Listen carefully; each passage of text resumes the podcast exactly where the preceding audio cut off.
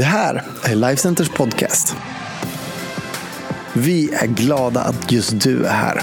Allt du behöver veta om oss och vad som händer i kyrkan det hittar du på Lifecenter.se och våra sociala medier. Här kommer veckans predikan.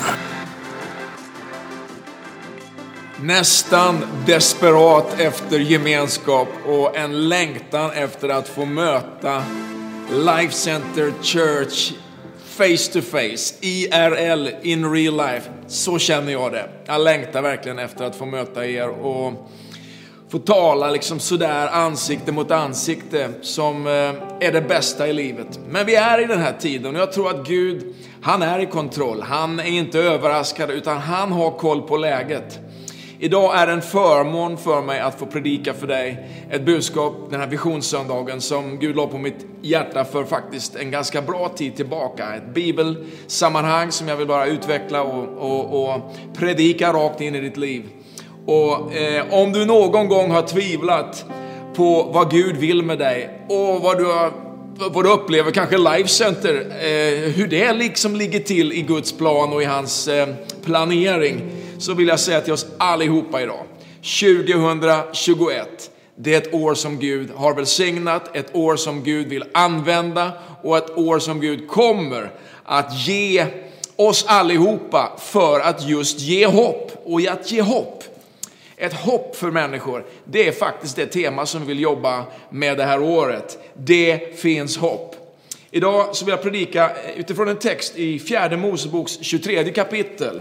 Och där läser vi en, en story, en berättelse som handlar om en profet som heter Biliam en, eh, och, och en, en, en story, ett budskap som, han, som handlar om att han, han, han ger en hälsning till en ledare in i en situation som är så aktuell för dig och mig idag. Vi läser eh, ifrån kapitel 23 i fjärde Mosebok ifrån vers 19.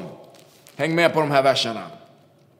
Gud är inte en människa så att han skulle ljuga. Inte en människoson så att han skulle ångra sig. Säger han något utan att göra det, talar han något utan att fullborda det. Se, att välsigna är mitt uppdrag. Han har välsignat och jag kan inte ändra det. Ska vi be tillsammans? Herre, jag tackar dig Herre för att du är en levande frälsare. Jag ber att du ska använda de här orden idag, Herre, för att predika hopp in i människors liv. Att du ska ge oss framtidsvision, Herre, att du ska eh, stärka oss, Herre, att du ska förstärka också i oss den övertygelse vi har på att den plan och den vilja du har med Life Center, den, den ligger fast, Herre. Jag tackar dig Gud, Herre, för att du ser varje människa, varje situation, allt det vi går igenom, Herre. Idag väljer vi, Herre, att lita på dig. Vi väljer att sätta vår tillit till dig, Gud, Herre. Tala till oss, heligande, det är vår bön. Amen. Gud är inte en människa som skulle ljuga, inte en människoson som skulle ångra sig. Gud är mer, och det är min första punkt idag. Gud är mer. Vet, synen på Gud har förändrats lite genom tiden, genom århundraden, årtusenden och man skulle kanske ganska väl kunna se en markerad förändring Eh, från till exempel 1700-talet då vi brukar tala om, liksom om upplysningens tid. Och någonting som kom också väldigt starkt med den här upplysningen, det var också någonting som vi brukar kalla för bibelliberalismen. Alltså att, att tvivlet på om Gud verkligen talat, om Gud, det Gud har sagt verkligen var sant, eh, det tränger sig in i samhället, det tränger sig in i väldigt många människor. Och eh, det leder till en fråga om Guds vilja egentligen är absolut. Och för många människor så byttes det där ut mot att istället för, och det kan du se i våran tid, att det är inte Guds vilja som är absolut, utan det blir vår vilja som är absolut. Och när sanningen om Gud och det Gud har sagt blir relativ, så leder det till en övertro på våran egen förmåga. Alltså det vi tror på, det blir viktigare än det Guds ord säger att vi ska tro på. Och så inser vi kanske i livet att vi inte kan frälsa oss själva trots vår övertro på vår egen förmåga. Och så blir vi deprimerade eller så blir vi förvirrade. Du vet när man står inför livets stora utmaningar och prövningar när man står inför det där äh, behovet av ett mirakel som, som, som man, man inte kunde skapa i egen kraft, då är det ju avgörande om Gud är mer än mig. Du vet, när man behöver det där eh, miraklet så konfronteras man med frågan, är Gud verkligen mer? Ja, Gud, han är mer. Och det är inte bara den som ligger för döden som har den frågan, därför att vi är alla döende.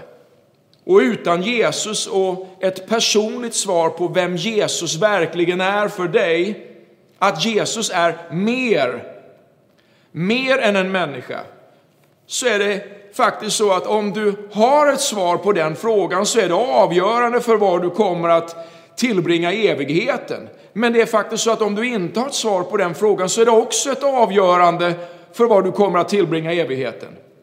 Gud, han är mer. Och det är just liksom den här första tanken som är så viktig för dig och mig. Gud är mer, han är inte en människa.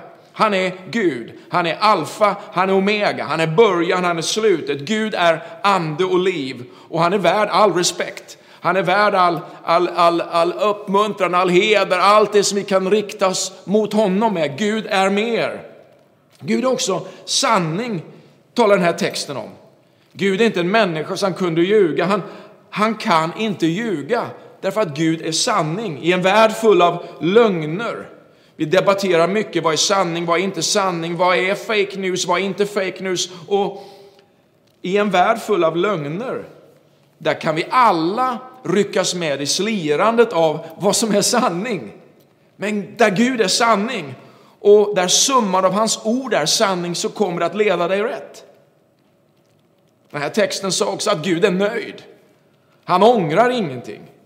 Han ångrar inte att han skapade dig. Han ångrar inte att eh, han gjorde dig. Han ångrar inte att han la ner en kallelse och ett syfte med ditt liv. Och han ångrar inte sin församling Life Center som han födde genom ett ord en sån där eh, grå förmiddag den där 8 mars år 2000.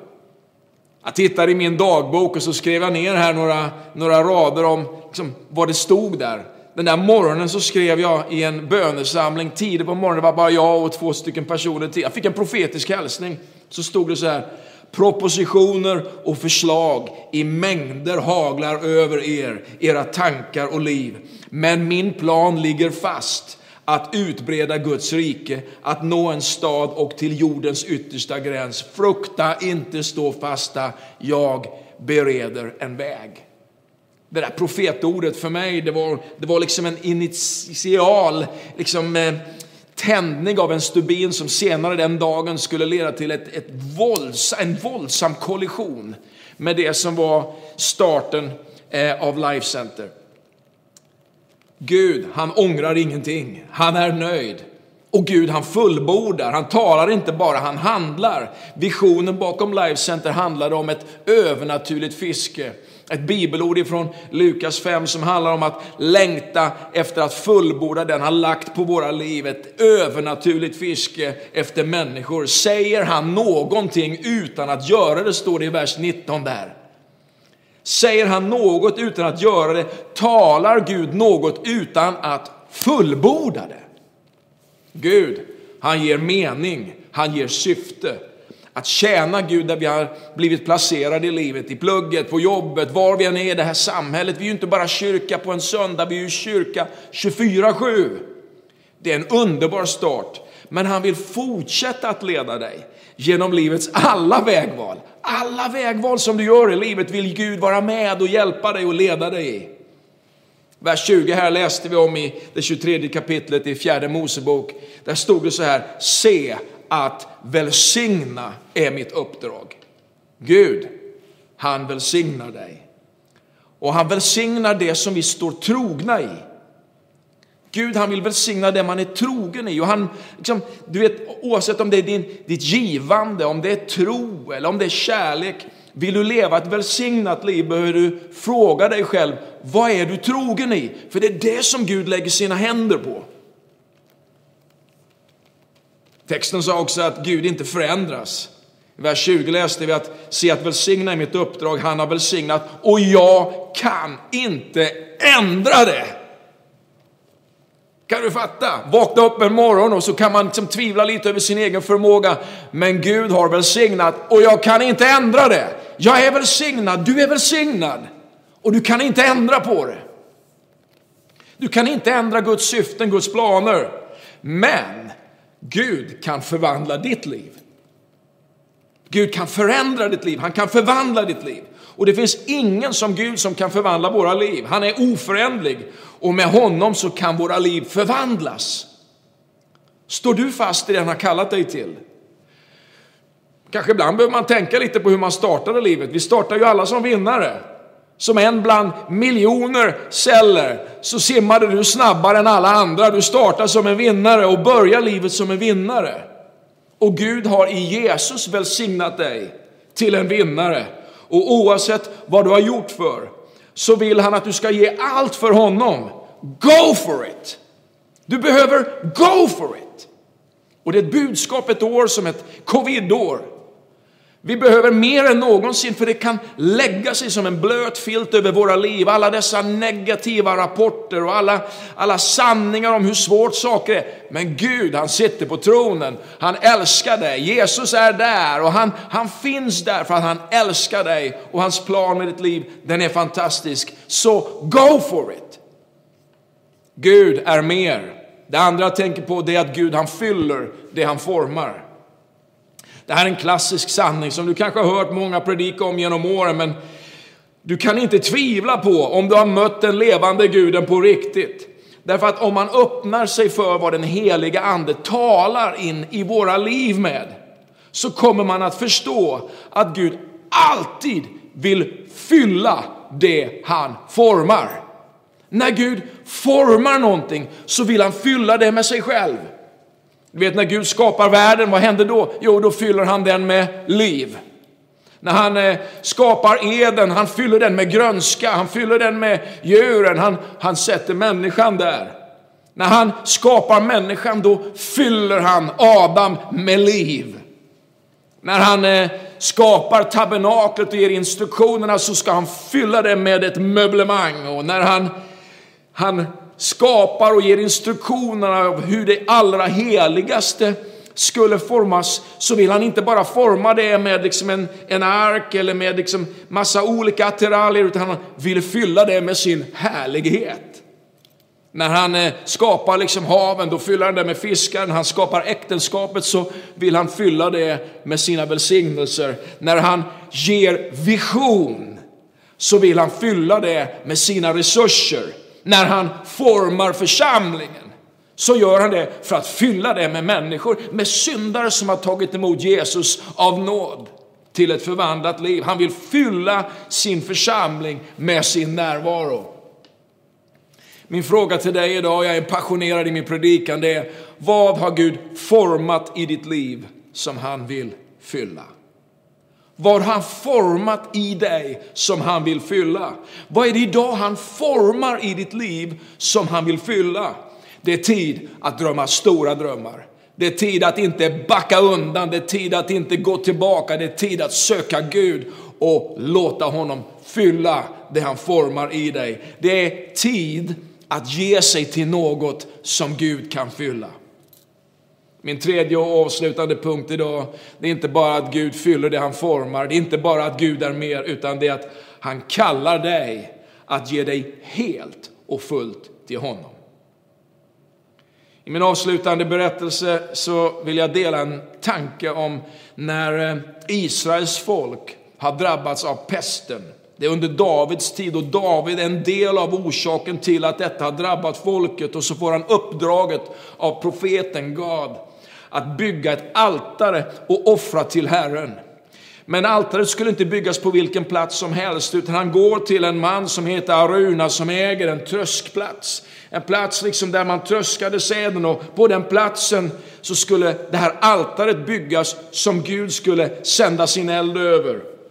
Aruna han är ju en, eh, en generös man, så när han möter kungen så vill han ge den här marken till David. Och han vill inte bara ge marken, han vill ge allt det offer som också skulle läggas på offeraltaret. Men så säger eh, David de här fantastiska orden i Andra Samuelsbokens 24 kapitel och vi läser därifrån vers 24. Men kungen svarade Arauna. Nej, jag vill köpa det, det av dig. Jag vill köpa det av dig till ett bestämt pris. För jag vill inte offra åt Herren, min Gud, brännoffer som jag har fått för intet. Så köpte David tröskplatsen och boskapen för 50 siklar silver och David byggde där ett altare åt Herren och offrade brännoffer och gemenskapsoffer och Herren hörde bönerna för landet och plågan avvärjdes från Israel. När David kommer till Arauna för att köpa marken och offra så säger han, jag ger det till dig, men David säger, jag vill inte ha det utan kostnad. Jag vill inte offra något till Gud utan att det har kostat mig något. Texten säger faktiskt, jag vill betala fullt pris. Det handlar i det här sammanhanget om fem stycken årslöner. Det finns ett fullt pris att betala för att följa Jesus. Ja, vi tar emot hans frälsning och förlåtelse av nåd. Men han vill att vi ska ge hela våra liv till honom. Det som är så fantastiskt i den här berättelsen, det är faktiskt sanningen om, som egentligen handlar om ett historiskt perspektiv. Tror du att David visste att Salomo, Davids son, senare skulle bygga templet på precis den plats där David betalar ett fullt pris? Du vet att komma inför Gud med sitt hjärta, att komma inför Gud med sitt liv i en svår tid eller i liksom en tid som kanske så, så lätt frestar oss att ta en enklare utväg med en insikt om att nej, jag vill inte komma till Gud. Men liksom en enklare väg, jag vill betala fullt pris, jag vill ge hela mig till Gud. Det är fantastiskt. Kan du förstå att generationerna hör ihop? Det du betalar ett fullt pris kommer nästa generation att kunna bygga på. Templet byggdes på den plats där David, en tidigare generation, hade betalat fullt pris. Min vän, det är fantastiskt att tjäna Gud. Han är generationernas Gud. Jag vill fortsätta ge mitt allt för Jesus. Jag vill fortsätta ge mitt allt in i Life Center för att nästa generation ska kunna bygga starkare, bygga större, nå ännu längre. Gud är inte en människa så att han skulle ljuga. Han är inte en människoson så att han skulle ångra sig. Säger han något utan att göra det, talar han något utan att fullborda det. Se att välsigna är mitt uppdrag. Han har välsignat och jag kan inte ändra det. Wow, vilken bibeltext att tugga på en tid som denna. Min avslutning idag är den här. Ulrika och jag, vi är helt övertygade om att framtiden tillsammans med dig och med Life Center här i Sverige och utöver världen är fantastisk. Vi är committade att fortsätta ge våra liv och bygga det Gud har kallat oss att vara med om bygga. Life Center 20 år. Vi är committade för 20 år till att ge våra liv för framtiden och det Gud ska göra. Och vi kommer att se många människor frälsta. Vår dröm är inte bara liksom en fantasi, vi kommer att se tusentals människor bli frälsta och förvandlade på grund av att vi står fasta i det vi gör idag. Vi kommer att se hundratals ledare resas upp. Barn, ungdomar som går vidare därför att de har mött Jesus. Vi kommer att se familjer resas upp, starka starka och övertygade om att livet med Jesus, det är fantastiskt att bygga också en familj på. Vi kommer att se ledare, företagare, människor i business, i alla möjliga ledarskapsfunktioner i vårt samhälle resas upp utifrån det vi gör här. Vi är övertygade om att oavsett var man jobbar, i vilken sfär man än är i det här samhället, så finns det en möjlighet att tjäna Gud på bästa sätt nysvenskar eller du som har liksom bott i Sverige sedan 5, 10, 15 generationer. Spelar ingen roll. Guds plan står fast. Vi kan inte ändra på det. Att välsigna är vårt uppdrag. Han har välsignat och jag kan inte ändra det. Det finns hopp för Sverige. Det finns hopp för Västerås, det finns hopp för Ludvika, det finns hopp för Linköping, det finns hopp för det här landet och den här världen. Vår vilja och längtan är att röja en väg och vi vill ingenting hellre än att du ska vara med i det här arbetet. Världens bästa uppdrag, att predika Jesus, att komma tillsammans för att göra det han har kallat oss att göra. Låt oss drömma, låt oss satsa, låt oss arbeta hårt för att se världen och våra vänner bli frälsta och möta Jesus. Låt oss göra lärjungar på riktigt. Vi älskar er och vi vill stå samman med er för den framtid han har gett oss. Låt mig nu bara avsluta den här predikan på det bästa sätt jag kan göra genom att be tillsammans med dig. Kanske har du streamat in idag och tittat på den här predikan och undrar vad är det där för kyrka egentligen? Det viktigaste för dig egentligen att veta, det är att du har din relation klar med Jesus Kristus. Att ge ditt liv till Jesus. Och det kan du göra genom att öppna ditt hjärta och ta emot honom här och just nu. Och jag skulle önska att hela vår kyrka idag, den här söndagen, bara vara med dig tillsammans i en bön, var ni än befinner er just nu. Att be en bön för den människa som kanske för första gången idag ber till Jesus om ett förvandlat liv inbjuder Jesus till ett nytt liv. Sätt upp dig för en helt annan attityd kring livet och den framtid du har genom att älska människor in i Guds rike. Det finns hopp Sverige. Vi är här för att välsigna. Vi kan inte ändra på det Gud har välsignat våra liv, så vi vill bara ge det till andra. Vill du be med mig i den här bönen, så knäpp dina händer där du är, kanske slut dina ögon och fokusera på Jesus och säg de här orden efter mig. Jesus, jag tror på dig. Jag välkomnar dig in i mitt liv.